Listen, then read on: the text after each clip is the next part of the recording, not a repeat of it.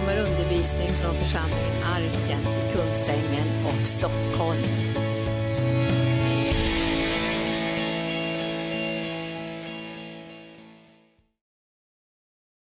Halleluja Herre, vi välkomnar dig att du ska tala till oss, att du ska väcka tro i våra hjärtan, att du ska utrusta oss för att kunna vandra som dina lärjungar i den här världen. Vi tackar Herre för att det är någonting som ligger på ditt hjärta och det är också någonting som vi längtar efter att få bli brukade utav dig, att kunna tjäna dig så att ditt rike utbreds. I Jesu namn. Amen. Ja, god afton ni Herrens älskade.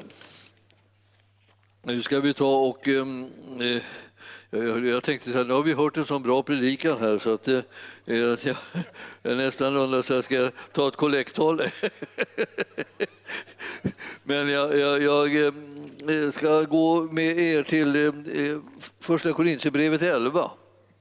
Och jag, jag tänkte tala lite grann om det här, eh, poängen med att eh, Eh, hålla, sig, eh, ta, hålla tag i det som man faktiskt vet. Eh, alltså, det, det är som att ibland folk läser Bibeln och så, och så letar de efter någonting som de kan haka upp sig på. Och, och Det tycker jag är liksom ett meningslöst sätt att läsa Bibeln på. Utan, utan man ska, man ska läta, läsa Bibeln för att liksom få eh, klart för sig eh, de sanningar som Gud redan har givit en och delat med en. Man ska bli befäst i tron. Man ska känna sig tryggare och starkare. Man ska inte känna sig upprörd efteråt och, liksom och, tänka, och tänka att alltihop jag hade tänkt det, var fel och så. Eh, utan, utan man, man, man bygger vidare på saker och ting. Man får tag i sanningar och, och de lägger man liksom in i sitt hjärtas djup och där liksom lagras det liksom sanning efter sanning. Och så blir det stabilare och mer klart för en vad det, är som, vad det innebär att vara en Jesu lärjunge och vad Herren har gjort och vad han, vad han menar med saker och ting. Eh, då och då stöter man naturligtvis på sådana bibelverser som man inte förstår. Då, då, då, då låter man dem ligga där och mogna. Eh, eller rättare sagt, man kan säga att det är man själv som mognar. Eh, för att det, det, men man låter bli dem, liksom. man sitter inte där och, och härjar med de där bibelverserna som man inte vet vad de handlar om. Utan, utan, utan man ber Herren att man ska liksom komma till mognad så att man kan förstå och höra det som man läser, eh, vad det egentligen betyder. Eh, det här får vi ju liksom hjälp med, det kan vi gå i gudstjänst som ni gör nu och, eh, och det får vi eh, hjälp med när vi läser vår bibel mer och mer och mer så här. Så börjar vi liksom bli inställda och, och får en slags uppenbarelse över vad som är Guds tankar och Guds vilja. Det är, det är viktigt det där. Nu ska jag ge mig på en, ett ställe, liksom, dels ett ställe som alla förstår precis vad det betyder och sedan ska jag eh, liksom i samma kapitel ta ett annat bit som där man bara liksom eh, bökar till det. Liksom. Och eh, jag tänkte vi ska försöka oss på det här nu då. Jag hoppas att vi går i land med det så ni inte liksom bara blir förvirrade av det. Meningen är att ni ska kunna känna er trygga och vissa om att nej, vad, vad, vad bygger vi på. Ett kapitel i, i, i Bibeln är så, så här, ofta en, liksom en avdelning som är tänkt att det ska handla ungefär om detsamma. Så tyckte de som eh, delade in kapitlen. Alltså kapitlen finns ju inte från början utan det är bara löpande text. Men, eh, men så har man delat in det i kapitel och sen har man delat in det i verser. Bara för att det ska bli lättare att hitta och titta på samma ställe. Annars blir det jättesvårt att säga var ska ni titta nu då? Nu kommer jag tala om för er att ni ska titta i elfte kapitlet i första Korintierbrevet. Förut så kunde man bara veta ja, första Korintierbrevet. Och var ska vi då titta? Ja, vi ska titta där på ett ställe där som säger Jag berömmer er för att ni, ni tänker på mig all, eh, i, i allt och håller fast vid den undervisning som jag har fört vidare till er, säger han. Alltså han är ganska glad över att den undervisning som han har fört vidare, den håller de fast vid. Det där är någonting som man ska liksom ha som ett slags mål. Man ska hålla fast vid den undervisning som man har fått i Guds ordet, som man ser liksom att det, det stämmer, det, håller, det är på det viset. Man ska inte liksom eh, stirra sig eh, liksom alldeles blind på de här grejerna som man inte riktigt förstår hur det är, utan man, man håller fast vid det som man förstår. Och då säger Paulus vidare så här, i, det här blir vers 3, för att vers 1 Eh, det, det, var slut, det står i slutet på eh, kapitlet innan, har ni märkt det? Ja, där står det kapitel 1. Alltså. I kapitel eh, 10 och sista versen så står det att det är vers 11.1. Har ni samma som jag i biblarna? Ja, alltså, man kan säga vad, vad är det mer om? Vad, vad, klarar de inte av att bestämma sig för vart hör versen? Ja, ja det, det, är faktiskt, det kan man säga. Ibland så är det så att de kan inte, vet inte vad de ska föra en vers. Eh, och om man för den fel så får man en annan tanke kring den, vad den betyder. Så om den hör till det övre eller om den hör till det nedre. Och i, i vers 1 så hade det stått Följ mitt exempel liksom jag följer Kristi exempel. Ja, det är det det kommer handla om då, faktiskt i, den här, i det här kapitel 11. Du ska liksom följa hans exempel. Eh, och, och det, det, är, det är viktigt. Det. Nu ska vi titta i vers 3. Då. Det blir liksom andra versen i kapitel 11. Och nu vill jag att ni ska veta, och vad är det han vill att vi ska veta? Jo, att Kristus är varje mans huvud och att mannen är kvinnans huvud och att Gud är Kristi huvud. Ja, det vill han att vi ska veta. Och, det, och, och då, då, tänker man, ja det var ju enkelt. Det var ju liksom bara det. De, den, den, den är huvud för den och den är huvud för den och den är huvud för den. Men så där, där är det liksom så att vi, där får vi det hela om bakfoten. För vi tänker liksom att, vi, att det här är precis som det är idag. Om vi säger att någonting liksom är huvudsaken liksom så här, så betyder det att det, liksom är, det är det viktigaste. Det är det främsta, det är det som, är, eh, som man ska ta hänsyn till framför allting annat. Det är huvudsaken.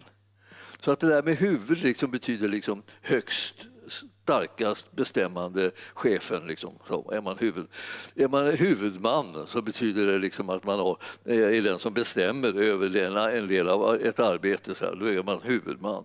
Det kan vara ibland en, liksom en styrelse men det kan också vara en enskild person som är, liksom är, fungerar som huvudman. Det betyder det är bestämmande. Men då är det det kruxet att det, så var det inte här.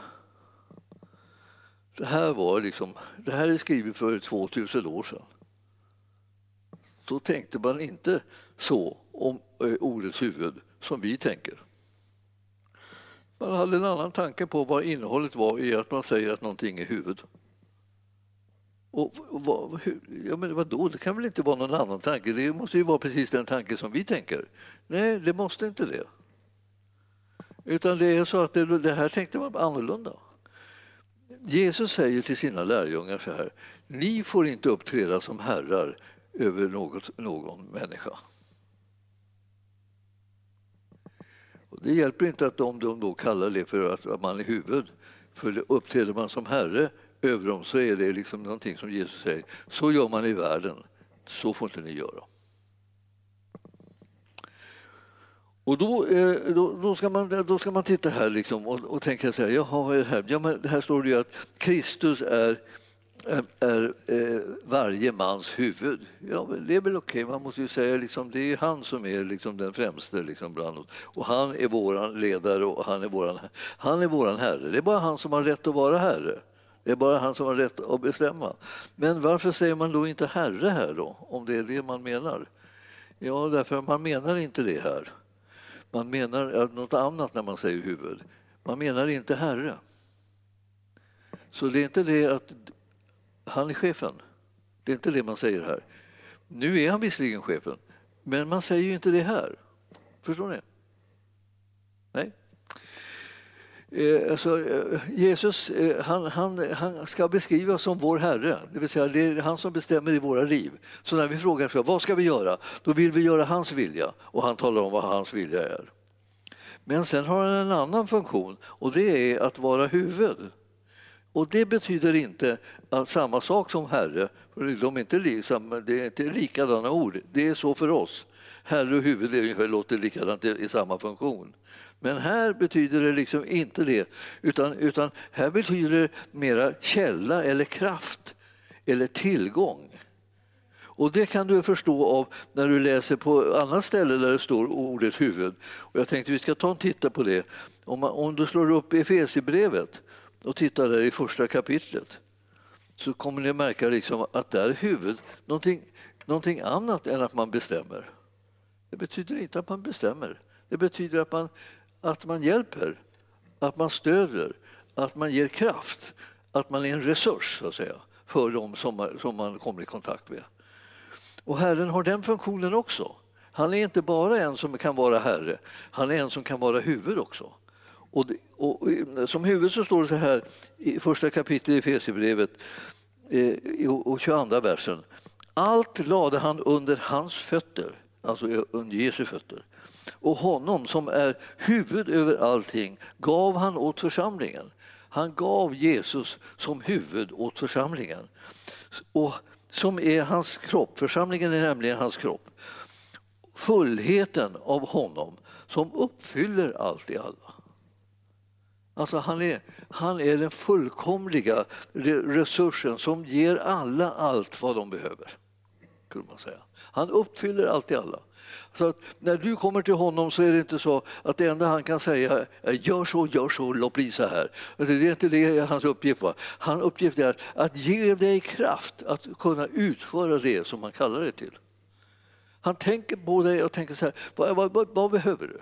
Vad är det som du behöver för att kunna vara, tjäna mig och följa mig och göra min vilja till den här världen? Och så ger han dig kraft till det. Alltså vi, vi, vi, brukar känna till Herrens kraft ungefär som att det är den heliga Ande. Den heliga Ande kommer till oss och rustar oss för det som vi ska göra. Och det här är det, att vara huvud, det är att vara en som, en som är en tillgång, en kraft, en, en källa som man kan ösa ur så, så att man har hjälpen som man behöver när man ska ta itu med olika saker. Det, det är det vad huvud betyder i den här bemärkelsen. Alltså. Och då tänker man så här, ja, men, om vi tittar på vad, vad det står här. Det stod ju att, att eh, i, i elfte, elfte, elfte kapitlet igen nu då. Kristus är varje mans huvud, det vill säga han är källan till varje människa. Han är kraften som varje eh, troende behöver, det är han. Och, och mannen är kvinnans huvud. Han är tänkt som att han ska vara hjälpen och styrkan och kraften för att hon ska kunna leva det liv som Herren har kallat henne till.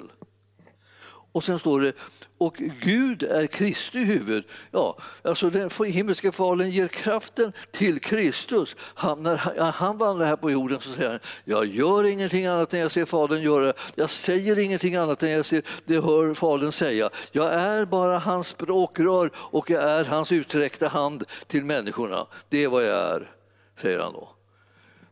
Och Gud är alltså källan för att det här ska kunna ske. Så Jesus är, är som beroende av Fadern. Jag kan inte leva liksom ett liv utan att han är min styrka och han är min kraft och han är min hjälp och han är den som uppenbarar det som jag behöver veta. Och så. så talar Jesus om sig själv i förhållande till Gud Fadern. Och så står det Eh, så här att eh, det här är liksom frågan om huvud. Då. Eh, huvud betyder ju naturligtvis också bara huvud om vi säger så att säga en skalle, liksom så här som, som man har allihopa sitter inne med en skalle. Den, den verkar ju vara som vi har lärt oss att den bestämmer och styr våra liv, det som är här uppe. Så, så ska det inte vara, mina bröder och mina systrar. Det ska inte styras härifrån, det ska styras därifrån. Och det här pekar på liksom hjärtat och på anden, människans ande, människans inre, där den heliga ande har kommit och tagit sin boning och uppfyllt oss med sin kraft och sin härlighet och sin uppenbarelse. Därifrån ska du och jag ledas i livet. Vi ska inte liksom vara en produkt av att vi tänker ut, för då blir det inte mycket av oss om man ska vara ärlig. Utan vi måste liksom spränga alla gränser och Herren ska uppenbara vad det är vi ska göra och vilken väg vi ska gå på. Och han är tillgången för oss. Han, är, han skickar inte ut oss i någonting och så ska vi få se hur det går här. De kommer slå på näsan ganska snart. och så, där, och så. Utan, utan, han rustar oss med kraft. När han gav sin heliga ande så lät han anden falla över allt kött. Alltså, varje människa rustade han för att de ska kunna göra hans vilja och han uppfyller dem med den här smörjelsen av kraften. Så det här är liksom så fascinerande. Va? För att, det liksom att, att här, kommer, här kommer Kristus va? och fyller mannen med all den kraft han behöver. Här kommer mannen och fyller kvinnan med all den kraft hon behöver. Och här kommer Gud och fyller Kristus med all den kraft hon behöver. Och ah, man kan säga liksom att det är liksom hela tiden ett beroende och en ömsesidighet så att säga, som finns i det här. Hur det flödar liksom kraft och hjälp. Ytterst kan vi säga allihopa är vi beroende av Gud för allt det goda som kommer till oss är från Gud. Så han har olika kanaler som liksom han strömmar igenom så här. Och, och, och, det är meningen att de ska tjäna med den, den kraften som de har fått ifrån Herren. Så tjänar de varandra eh, i, i, i deras liv. Så du ser att mannen tjänar eh, kvinnan och, och eh, Kristus han, han, han tjänar mannen genom det här och, och Gud tjänar Kristus. Det här är, det här är, är intressant. Då, tänk, då tänker man, jaha, och vem är då är den högst? Vem är högst och vem bestämmer mest? Och så där. Ja, det är egentligen inte frågan här, utan här är, här är frågan liksom, eh, vem är det som tjänar? Alla tjänar på ett eller annat sätt så har de ett uppdrag att tjäna omgivningen. De människor som de sitter kopplade med, det sammanhang som de står i, där ska de tjäna. Det är precis som det här med, som vi hörde lite kollekttalet, att vi, vi kallar det att vara givare.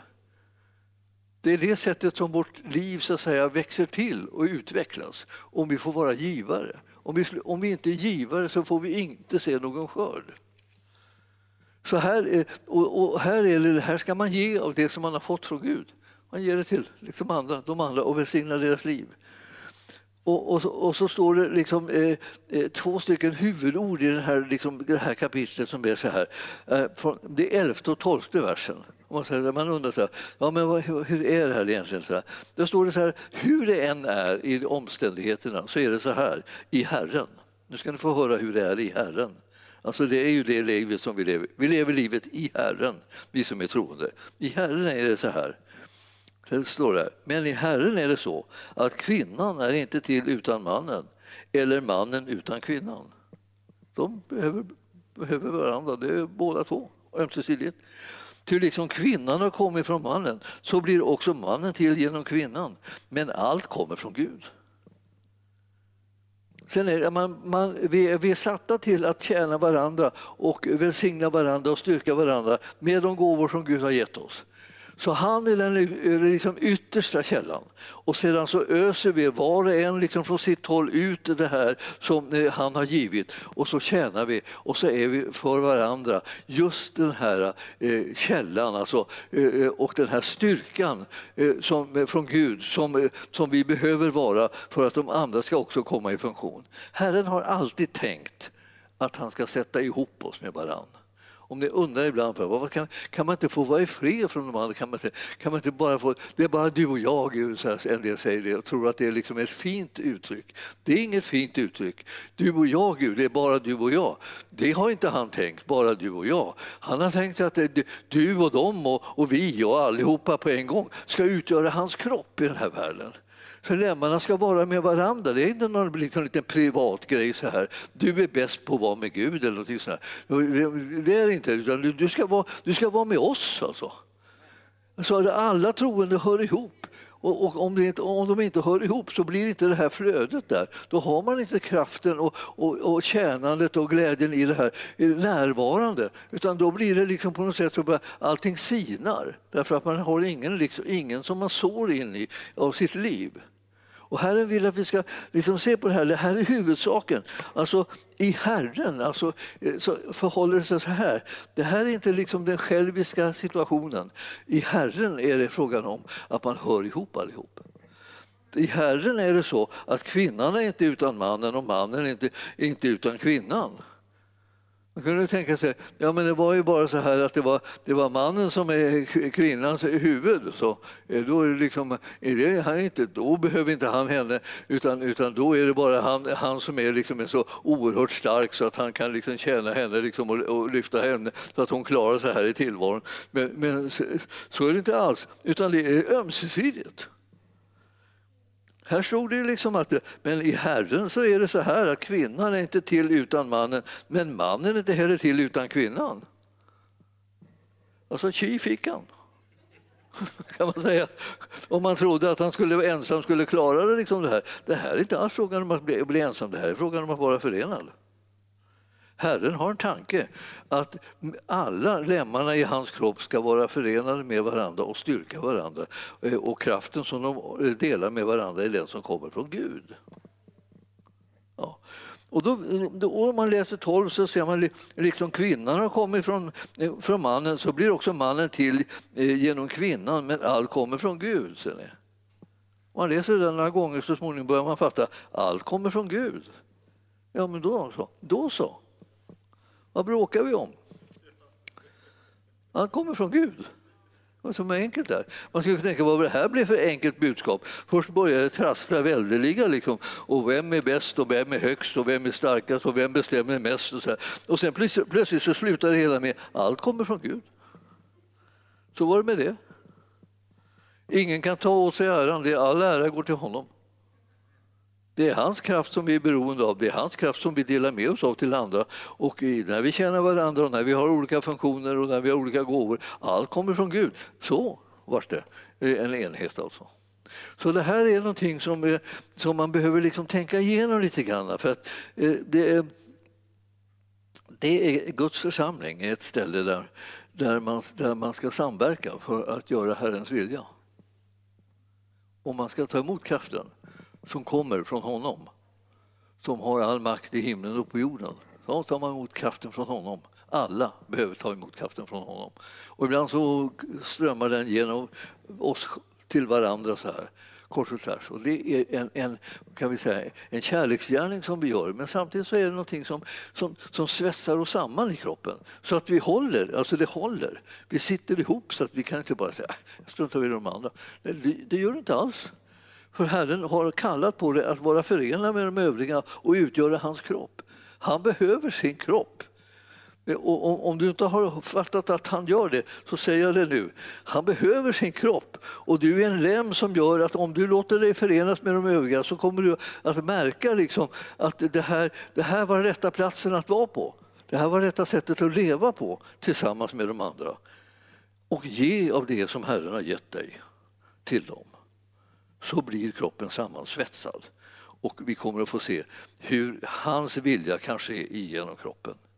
Vi kan bli en, en övervinnande faktor i denna här världen. Gudsriket kan utbredas och människor kan upptäcka att det finns någonstans att fly till. Alltså de, eh, mörkret som finns i världen eh, eh, tätnar och vi behöver fly till Guds rike för att sammanfogas där, för att besegra mörkret. Vi ska vara ljus i Herren, ni vet. Det är inte liksom någon tillfällighet. Ljus är alltid en segrande faktor i förhållande till mörker. Mörker har ingen chans på ljus. Så att när vi kommer med, med det ljuset som, som vi har själva och när vi kommer med det ljuset som vi får när vi är tillsammans så övervinner vi mörkret och riket utbreds.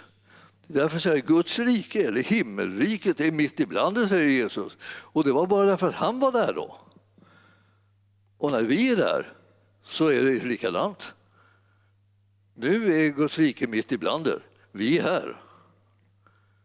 Och vi har fått del av den smörjelse, den kraft och det ljus och det, den hjälp och den uppenbarelse som Herren ger oss. Och det gör att vi kommer att besegra mörkret var än det tittar fram med sin lilla fula nos. Så vi är, vi övervinnare i det här därför att Herren har sån omsorg om oss. Vi behöver liksom lära känna honom som den gode Gud som han är. Alltså, den underbara frälsare som vi har. Jag kan inte liksom Eh, nog liksom göra reklam för honom. Jag vet inte, det känns ju lite konstigt att man ska behöva göra reklam för, för Jesus men, men i vår tid eh, kanske det behövs. För att eh, här, här tror man liksom att allt liksom handlar om någon slags makt, eh, makttävlan. Men det gör det inte i Guds rike. Eh, Jesus varnar för att, att hålla på på det viset. Lärjungarna vill liksom in på det där spåret liksom och, och, och, börja tävla med varandra och konkurrera med varandra och se vem är viktigast och vem är störst och vem är bäst. Och så det, det handlar inte om det. Den som är störst och bäst är Jesus. Det, det är redan avgjort. Så du, du och jag behöver inte lägga oss i den saken, utan vi är hans tjänare och vi står i förbund med honom och med varandra och vi ska förhärliga hans namn. Så att det är hans vilja som ska ske. Den enda vilja som vi kan vara säkra på, den är god. Det är en härlig eh, vilja. Och då när vi är män och kvinnor, då, unga och gamla, så, så har vi blivit utrustade med en helig ande utan någon skillnad. Därför att här, det här är utrustningen för att kunna tjäna Gud. Vi ska tjäna Gud tillsammans och då behöver vi den helige andes kraft. Därför så står det liksom när vi är apostlagärningarna där, och vi tar en titt på det på en gång, när, när vi apostlagärningarna 2, då, då, då, då anden faller, då, då faller ju den liksom eh, eh säga, på vem som helst, på säga. Eh, på eh, eh, alla, varenda en som faller. Eh, ja, men det, det kan man inte märka. Nej, för det märks när man tar emot det. Alltså, gåvan är given, anden är sänd. Vem tar emot den? Ja, för den som blir frälst har, har tagit liksom ett steg in i det att vara en, en tjänare i Guds rike. Men den som blir, tar emot anden eh, tar också emot kraften att kunna tjäna i Guds rike.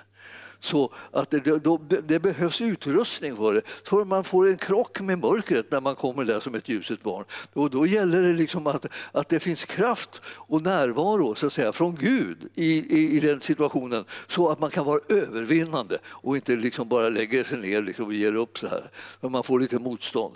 Motstånd har man, har man ju fått hela livet, jag på säga. Det, det gör ingenting att man får motstånd. Det viktigaste är bara det att man vet att man är en övervinnare. Man segrar i de här eh, konfrontationerna mellan ljus och mörker. Man kan rycka människorna ut ur mörkret och in i ljuset, in i den älskade Sonens rike. Det går att göra det när man har eh, tro och blivit smord med den heliga Andes kraft. Så här är liksom, det är så härligt och då gillar jag det här så här väldigt, väldigt mycket. Alltså, alltså det här som stod i Apostlagärningarna 2 eh, eh och 17. Alltså Joels profetia där, där står det så. Den som har infriats på pingstdagen alltså, då, då anden föll. Ja, det ska ske de sista dagarna, eh, säger, eh, säger Gud. Jag ska utgjuta av min ande över allt kött, och det betyder alla människor det. Era söner och era döttrar ska profetera, era unga män ska se syner, era gamla män ska ha drömmar. Ja, över mina tjänare och tjänarinnor ska jag i de dagarna utgjuta av min ande och de ska profetera. Vad kan man säga? Det? Han ska utgjuta eh, sin ande över dem och så gör de lite olika saker. Så här. Ja, det är ju alldeles utmärkt, det är precis vad det är. Man får lite olika uppdrag i den heliga andes kraft att göra och när man kommer samman som hel kropp då kommer alla de här bitarna att kunna komma in och, och tjäna så att kroppen blir en helhet och kan uttrycka sig övernaturligt i den heliga Andes kraft på mängd olika sätt. Vi talar, vi talar inte om så här, ja, den här personen profeterar, den här undervisar, den här predikar, den här hela, hela den här befriar. Så här. Vem, är, vem är bäst? Det har ingen som helst betydelse, allting kommer från Gud. Utan vi förvaltar vårt pund och vi gör det med glädje. Det vi har blivit kallade till, det sysslar vi med. Så att det är inte så att man, man, man tänker man ska säga så här, ja, vad är mest värt, vilken, vilken tjänst eller vilken funktion ska jag nu eh, jaga efter för att få så att jag får störst betydelse. Alltså, ingen ska hålla på med sådana här futtigheter och tävla med varandra. Vi, vi, vi, är, vi är lika mycket värda allihopa. Vi ska bara vara trogna i det vi har blivit kallade till. Det, det är den enda omdöme som vi känner till att Herren ger när, när det gäller det här, när han bedömer oss. Så tittar han på, på dem som har fått olika pund så här och är på olika sätt. Så säger han, ja men du, du har förvaltat dina pund och eh, väl gjort du gode och trogne tjänare, säger han. Gå in i din herres glädje. Och när någon annan som har förvaltat flera pund, väl gjort, du, eh, du är tro, gode och trogne tjänare, gå in i din herrens glädje. Alla liksom bedöms efter om de de är trogna. Inte efter vad de har gjort, inte vilken sorts kallelse de fick, inte vilken form av gåvor de fick, utan att de har varit trogna. Det är jätteenkelt att vara trogen, kan man säga, i, i det som man har fått av Gud. Det är jätteknepigt att försöka vara trogen i någonting som man inte har fått. Det blir ofta så ganska misslyckat och konstigt, tillgjort och eh, eh, jobbigt alltså på alla möjliga sätt. Och sedan så kan Herren inte säga att man har varit trogen när det kommer till kritan sen på slutet. Därför att man har inte skött det man skulle sköta utan man har hållit på och lagt sig i massa annat som man inte hade med att göra. Ja, eh, bara eh, sorgligt liksom, kan man säga. Man har grävt ner sin gåva i, gåva i jorden och liksom bara liksom rafsat fram den sen och inte gjort någonting av den. Man har inte burit någon frukt. Men Herren säger, om du litar på dem, att vilken den gåva som jag har gett dig och använder av den och förvaltar den så kommer jag kunna säga om dig, du gode och trogne tjänare, gå in i din Herres glädje. Och det längtar vi efter att få höra just det här. Det är det bästa omdöme som man kan få, att man, att man både är god och, och, och trogen. Ja, eh, det, det, det, ska man säga, eh, det, det är härligt. Alltså. Tänk, tänk att få det omdömet av Herren som liksom känner en och känner ens hjärta och säger jag, jag ser ditt hjärta och jag ser ditt liv och du har varit god och du har varit trogen. Du, nu är glädjen din. Alltså. Och så dyker man in i den bara. Och hela härligheten. Men det här, det här liksom är, är så, eh, när vi människor utan att eh, låta oss ledas av Guds ande och utan att låta oss leda oss av Guds ords sanning börjar titta på de här sakerna så gör vi allting till tävlingar. Alltså, vem är bäst, vem kan mest, vem bestämmer över vem och så bla bla bla bla bla bla bla. Så håller vi på så här. Och vad vi gör är att vi tar glädjen från varandra. Vi förlorar glädjen så att säga, redan här på jorden. Så det är inte bara det att vi förlorar den där glädjen som kommer i, i, i himlen som belöning, utan vi förlorar glädjen på jorden därför att vi ägnar oss åt eh, liksom konkurrens och tävling istället för att ta emot från Herren och liksom tjäna varandra med de gåvor vi har, då blir vår glädje fullkomlig. Alltså. Vi ber ut det som är Guds vilja. Vi ber om det som han har lovat, vi ber om det som han har sagt att han har gett oss. När vi ber om det så kommer vi få det för att vår glädje ska bli fullkomlig. Här och nu. Alltså. Så ju mer man börjar liksom tänka på att ja, men så där är det ju. Jag, jag, jag vet ju att det är så. Varför, vad håller jag på med? Liksom, förlåt, förlåt, förlåt. Alltså, för att jag, jag håller på att liksom snurrar in mig liksom i det mönster som finns i världen. Allting ska man tävla om. Alltså. Alltså, vem är bäst på det här och vem är bäst på det där? Och så håller man på så här. Och så, så, så hyllar man de som är bäst. Då. Och alla de där som inte är bäst då, på de där grejerna. Vad, vad, vad, är det, vad är det med dem då? Ja, de, de, de kanske kommer på att de kan vara trogna även om de inte är bäst på det. Så att säga, I tävlingshänseende. För det är inte frågan om någon tävling, det är frågan om att vara trogen.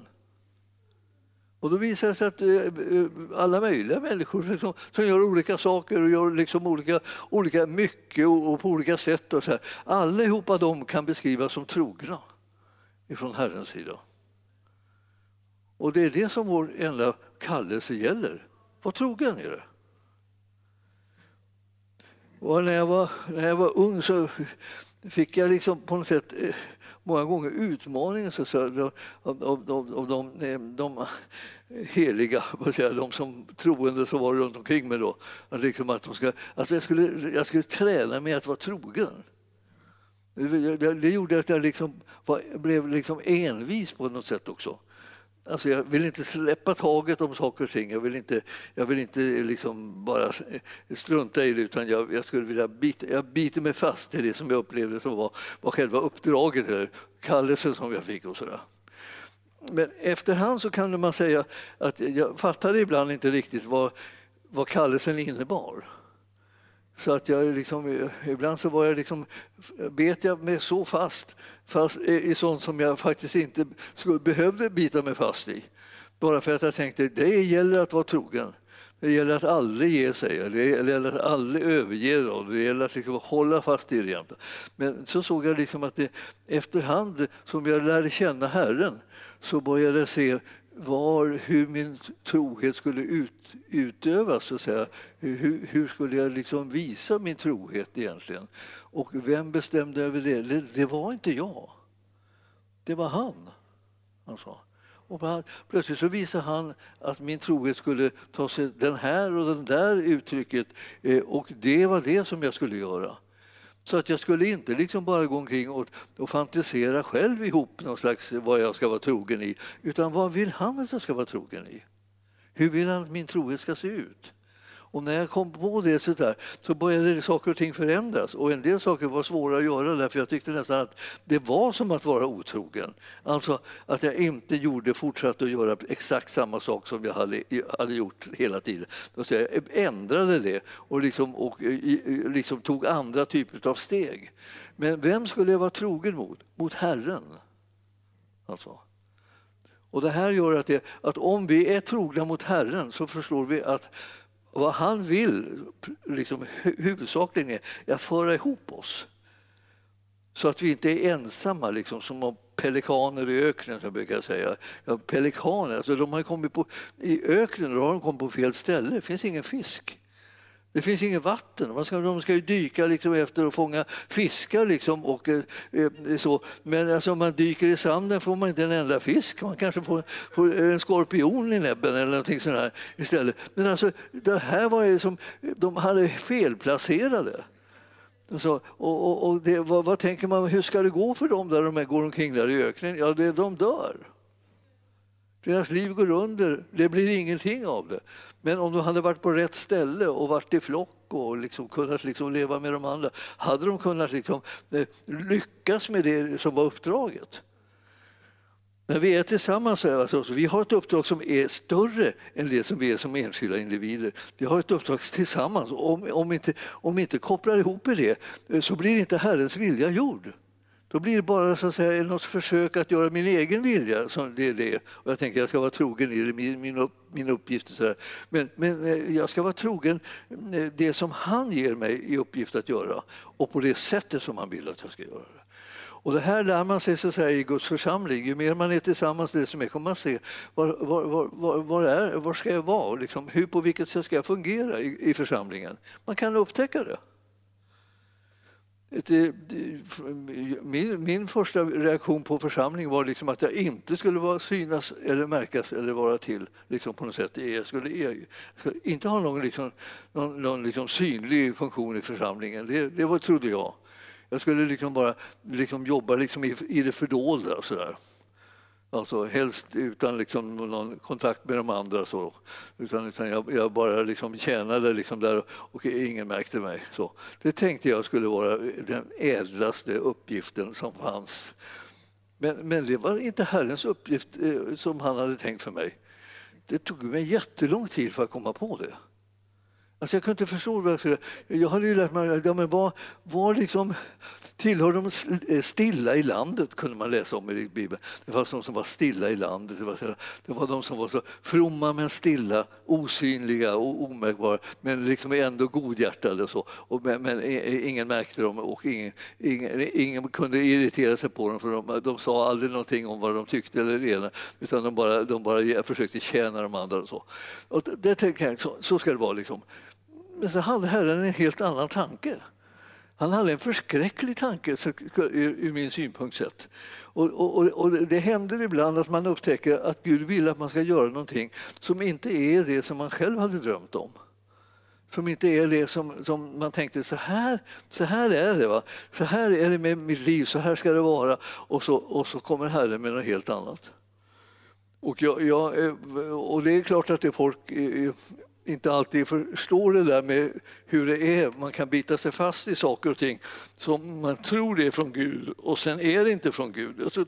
Det tar ett tag innan man ah, liksom klarar av liksom att bryta sig loss ur det där, eh, den förutfattade meningen som man har om vad det är som är från Gud och vad Gud har tänkt med ens liv. Men ju mer man lär känna honom, desto mer blir det tydligt vad det är som han vill att man ska göra för att hans kropp ska fungera som han vill det. Vilket inte, alltså, inte är detsamma som att det är hans kropp ska fungera som jag vill, utan som han vill. Det, det är, liksom en, det är en stor utmaning det där. Och jag vill säga till dig att det, den övergripande tanken är hela tiden kroppen han måste få en fungerande kropp. Det är genom den som han ska eh, eh, sprida ut evangelium i den här världen. Genom, genom den som människor ska kunna höra evangeliet och bli frälsta. Det är genom en fungerande kropp. Så fort kroppen inte fungerar och medlemmarna så att säga, i kroppen de, de vill inte göra någonting tillsammans och de vill inte ha med varandra att göra eller de bara bråkar med varandra eller vad som helst. Då, då hittar inte världen den platsen som är Gudsriket som skulle vara när, synligt genom de här, den här kroppens samarbete och tillhörighet till varandra. Alltså. Därför, människorna letar. Det är så, det är så konstigt det där. Jag, när jag upptäckte att människorna letar efter dem som representerar Guds rike. Vi skulle kunna kanske ibland tro att det finns ingen som är intresserad, ingen som letar. Det har vi helt fel om. Alltså, människor letar och hungrar efter det att få möta människor som känner Gud och som tillhör honom och följer honom. Men vilka är då de som hungrar efter dem? Ja, det är de som vi ska leta efter i vår, vår sida. De letar efter oss och vi ska leta efter dem och så kommer vi att stöta ihop med varandra och glädjen blir ömsesidigt stor. Men vi tänkte äntligen hittade vi en som ville bli frälst. Och de tänker äntligen hittade jag någon som visste hur man blir frälst och känner Gud. Alltså.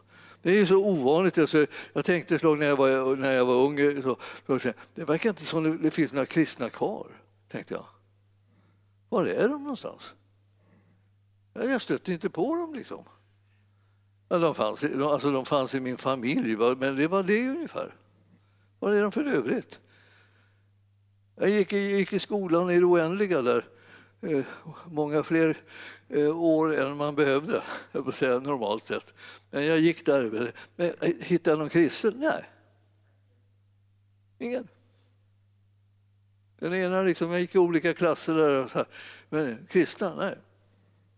I alla fall ingen som eh, signalerade något att de var kristna eller så. Och, och eh, eh, det gjorde inte jag heller. Så, så det var, jag var ju ansvarig också för att det inte liksom hände någonting därför att jag, var, jag var, gick i det fördolda där och var liksom hemlig. Liksom. Eh, pers, privat kristen. Så. Privat kristen är en, en, en, en styggelse och en, en förskräckelse för världen. De kan inte bli frälsta när vi är, är, leker privata kristna. Privata kristna finns egentligen inte. Vi kallar det att vara offentliga kristna. Alltså, även om det är jobbigt så är det det vi ska vara för de andras skull. Om vi tycker att, liksom, att det är något viktigt med de andra så behöver vi vara synliga kristna. Liksom. Och det, är, det är ingen konst att vara synlig kristen så här när vi sitter här. Då. Alltså, eller står här. Här står jag liksom och, och talar om Jesus. Och, och det, det är jättelätt. Ja? Ni vill ju höra om honom. det var ju hur lätt som helst. Då. Men alltså jag menar att om jag flyttar mig ut liksom, och ställer mig liksom i en, en, en affär, en kö eller någonting eh, då känner jag precis som alla andra, här var det inte lika enkelt att säga någonting om Jesus. Liksom. Men, men hur, hur gör man det då? då? Alltså man, man, kan, man, kan ju, eh, man kan ju fråga någon så här, om man ändå står där så kan man ju fråga, liksom, eh, eh, har, vill du att jag ska be för någonting för din skull? Jag skulle kunna passa på att be för det eftersom jag ändå står här, du och jag kan man säga då. Och så, be, vadå? Be? Ja, jag menar, du kanske, du kanske, det kanske du har några behov så här, så ska jag be att du, att du får, får det, det som du behöver. Ja, alltså, ibland så får man ju be, men ibland så får man inte be, men man får ett bra samtal. För att hur det än är så tycker folk att kanske det, det kändes lite omtänksamt det där ändå. Det kommer en främling och säger att den ska be för en. Det, det, är, ju, det är ju gulligt. Det kanske, det kanske man skulle ta och nappa på medan man nu har chansen. När det dyker upp en kristen som man inte har sett röken av på alla år i sitt liv. Så, så dyker det plötsligt upp en och ger sig till känna. Då tar man tillfället i akt, be för mig. Och jag har massa olika behov. Och de flesta är sjuka på något sätt till exempel. Alltså sjukdomar är liksom över, överallt, bara man inte alltid tänker på dem. En del har sådana där sjukdomar som, som är jämt. Va? Så de tänker inte på dem. Så att även om man ska säga, om ni som är sjuka ska komma fram så här så är det kanske en del som bara, som bara sitter kvar fastän de är sjuka. Därför att det är en sån där sjukdom som de säger, ja det där här får jag dras med. Det här kommer att vara hela livet. De har hört någon sån där prognos som läkarna har sagt, ja det här får du nog räkna med att du får ha hela livet. Det kommer inte liksom gå över utan du, du, du bara anpassar dig liksom och lever med det. Så. Och så har man tagit emot det på det sättet och så blev det, blir det det som, som, som blir en sanning. Så när man får ett erbjudande så tänker man så här, jag har väl ingenting som jag behöver bli eh, med. Och så, eh, så har jag någonting som jag, som jag egentligen tror att kommer aldrig bli löst ifrån. Och så kan det bli löst jätteenkelt i den heliga Andes kraft. Alltså. Och du och jag är bärare av den heliga Andes kraft. Jesus när han gick omkring så stod det, han gick omkring liksom, och folkskarorna var runt omkring honom och alla trängde på och de knuffades och hade. Och så står det, Herrens kraft var närvarande men ingen blev botad. Alltså, Herrens kraft var närvarande, ingen blev botad. Därför de visste inte att hans kraft var närvarande. Därför att han gjorde ingenting där åt att demonstrera den utan, utan han bara gick där och, då, och alla var där runt omkring. Alltså, eh, vad det behövdes var liksom en kvinna med blodgång som trängde sig igenom hela hopen och grep tag i hans mantel och, och hade sagt till sig själv, bara jag får tag i manteln då, då, då kommer jag bli helad. Och, och, så kom hon fram och så fick hon tag i manteln och så, och, och så blev hon helad. Och då blir det ett otroligt ståhej. Men alla de andra som var sjuka runt omkring, de missade det här därför att de, de, de hade inte siktat in sig på att ta emot någonting från Herren. Och så, jag, jag känner liksom att det, det, här är så, det här är någonting som, som man ska lära sig av. Alltså det finns de som hungrar och törstar. Det är de som blir, alltså deras törst blir släckt och, och deras hunger blir mättad. Det är de. Alltså, de andra blir det inte. Och alla de som kom till Jesus blev helade, inte de som inte kom. Alla de som bara var runt honom blev inte helade, utan de som gick till honom för att ta emot helande, de blev helade. Det här är liksom någonting som vi ska tänka på. Nu är det vi som går där och bär Guds rikets närvaro med oss eh, eh, in i möten med människor. Och om de får tro på det, att Guds riket är närvarande i dig, så kommer de kunna ta emot helande, befrielse, upprättelse, hjälp, förlåtelse, allt, allt vad de behöver. Därför att Herren är närvarande i ditt liv. Du är, du är inte vem som helst, du är hans sändebud. Och tänker jag, men jag har inget särskilt med mig. Nej, jag vet, men det är något särskilt med honom. Han är din, han är, han är din herre, alltså det, är, det är honom det är något särskilt med. Du behöver inte skämmas för det. Du behöver inte tänka, jag är väl ingenting. Nej, nej, nej. Nu pratar vi inte om dig, utan nu pratar vi om att din Herre är så underbar att han vill hjälpa alla människor. Eh, eh tala om det för dem. Så kanske de sträcker sig efter honom och, och, och får hjälpen som de behöver. Ni ser att, att eh, allihopa vi som är så olika och, och som väl är, alltså, något mer tröttsamt måste man, får man väl leta efter om alla vore lika. Tänk vad uruselt tråkigt det vore. Alltså, det var ju som hemskt. Liksom. Man har ingen anledning att komma samman därför att vi alla är likadana som man själv. Man skulle inte stå ut, va? om det man ska vara ärlig. Det, det kan vara jobbigt med en som man själv Eh, man tänker så här, ska, hur ska jag stå ut med mig själv? Alltså, om jag har haft sådana stunder av klarhet.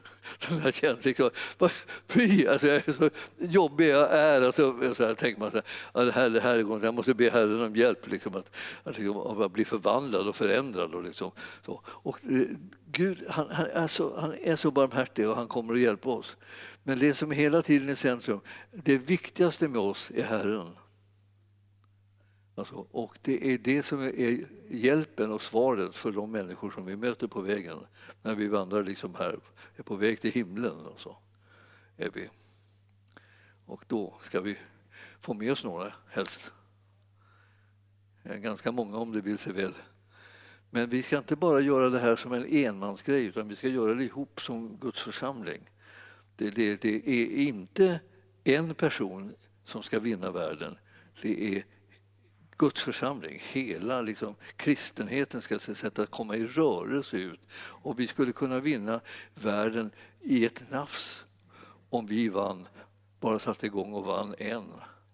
Alla som var troende vann en. Och så var, så var hela världen frälst. Man kan inte fatta liksom att, det, att, det är så, att det är så nära och ändå känns som om det vore så långt borta. Men det behövs alltså att vi helt enkelt eh, delar med oss av vad vi har funnit. Vi har funnit frälsaren. Vi har funnit Messias, som de sa, de första lärjungarna. Jag har funnit Messias. Va? Var då, vadå. Kom så går vi och hälsar på honom. Så gick de och hälsade på honom. Då. Det var så, det, jag tänkte så här, ja, alltså, eh, härligt va? Eh, vi längtar efter människor, så att säga, förlossning och befrielse och förvandling så att vi får, får presentera vår frälsare för dem och se vilken god, eh, god frälsare och Herre vi har. Det här är anledningen till att Herrens ande har fallit över oss för att vi ska nå människorna och för att vi ska kunna förenas till en kropp. Herrens ande kommer att hjälpa oss med det Alltså det är det som är så centralt. Alltså jag vet, alla, alla, har sina, alla har sina problem och alla har sina önskemål och alla har sina svagheter. De ber Gud hjälp mig med det här, hjälp mig med det där. Och, och, och så. Men han har ett problem. Han, hans kropp vill inte vara med på att vinna världen. Den vill liksom inte låta sig sammanfogas, den vill inte ta uppdraget att sträcka sig ut utan de är upptagna med hur, hur de upplever det själva. Och eh, jag tror att det är genom att ge som man får. Det är också det när det gäller våra behov. Det är genom att ge som man får. Man behöver inte vänta till åh, när jag blir frisk, när jag blir stark, när jag blir så här, liksom, och modig och när jag blir allt det här. Då ska jag liksom eh, ge av det som jag har fått. Börja i andra änden, börja ge. Ge av det som, eh, eh, som kommer från din Herre till de som du möter på vägen så kommer du märka hur det här kommer att resultera i att du får det som du behöver. När du det, det, Herren sa till sina första lärjungar, gå ut och, och, liksom, och, och, predika evangelium och bota sjuka och uppväck döda och alltihopa. Så här. Ta inte med er någonting som ni ska leva utav. Ta inte med någon ränsel, ta inte med någon, käpp och stav, ta inte med någon, någon mat, ingenting så här, utan bara gå. Ska de gå utan att ha någonting? Ja visst, det var det de skulle göra. Men när de gick ut och gav någonting så fick de det som de behövde. Har ni tänkt på det? Alltså, vi startar på något sätt i fel ända och så håller vi på liksom att krångla så in i Norden och får ingenting att fungera. Medan Herren har sagt att jag har inte, jag har inte sagt att ni ska oroa er för vad ni ska äta. Er himmelske fader vet vad ni behöver. Är inte det en tröst? Ja, det är en fantastisk tröst. Himmelske fadern vet vad jag behöver. Halleluja! Då slipper jag hålla på och greja med det och oroa mig för det. Då kan vi bara sätta igång och, och göra hans vilja som, som han vill. Och jag vet ju vad han behöver. Han behöver liksom tjänare som går ut och gör hans vilja. Det behöver han. Himmelske Fader, vi ber att du ska använda oss, att du ska uppmuntra oss och att du ska styrka oss så på ett sådant sätt att vi ser vad du har gjort med oss och vad du har gett till oss. Så att vi med frimodighet kan leva i den här världen och göra din vilja tillsammans med syskonen som vi så väl behöver. Låt oss se också vad, vilken välsignelse det är att ha syskon. Vilka, vilka möjligheter som öppnar sig genom att vi får ha varandra och kan uppmuntra varandra och styrka varandra och verkligen tillsammans liksom manifestera Guds rike, himmelriket här på jorden. Vi prisar dig Herre för det och vi ber att många ska få möta oss eh, med den här skatten i våra händer så att vi kan ge den vidare till dem. Så att de kan bli frälsta, så att de kan sätta sin skuldra till och vara med och utbreda Gudsriket. Vi bara prisar dig Jesus för att du är så underbar och att du har frälst oss och räddat oss och att du har skänkt oss din heliga Ande som nu bor i oss och verkar så att hela, hela Gudsriket kan uppenbaras för människorna. I Jesu namn. Och församlingen sa Halleluja. Tack Jesus, tack Jesus, tack Jesus.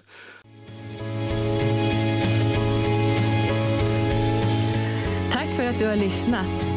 Vill du få del av mer information om församlingen Arken, vår helande tjänst, bibelskola och övriga arbete, gå in på www.arken.org.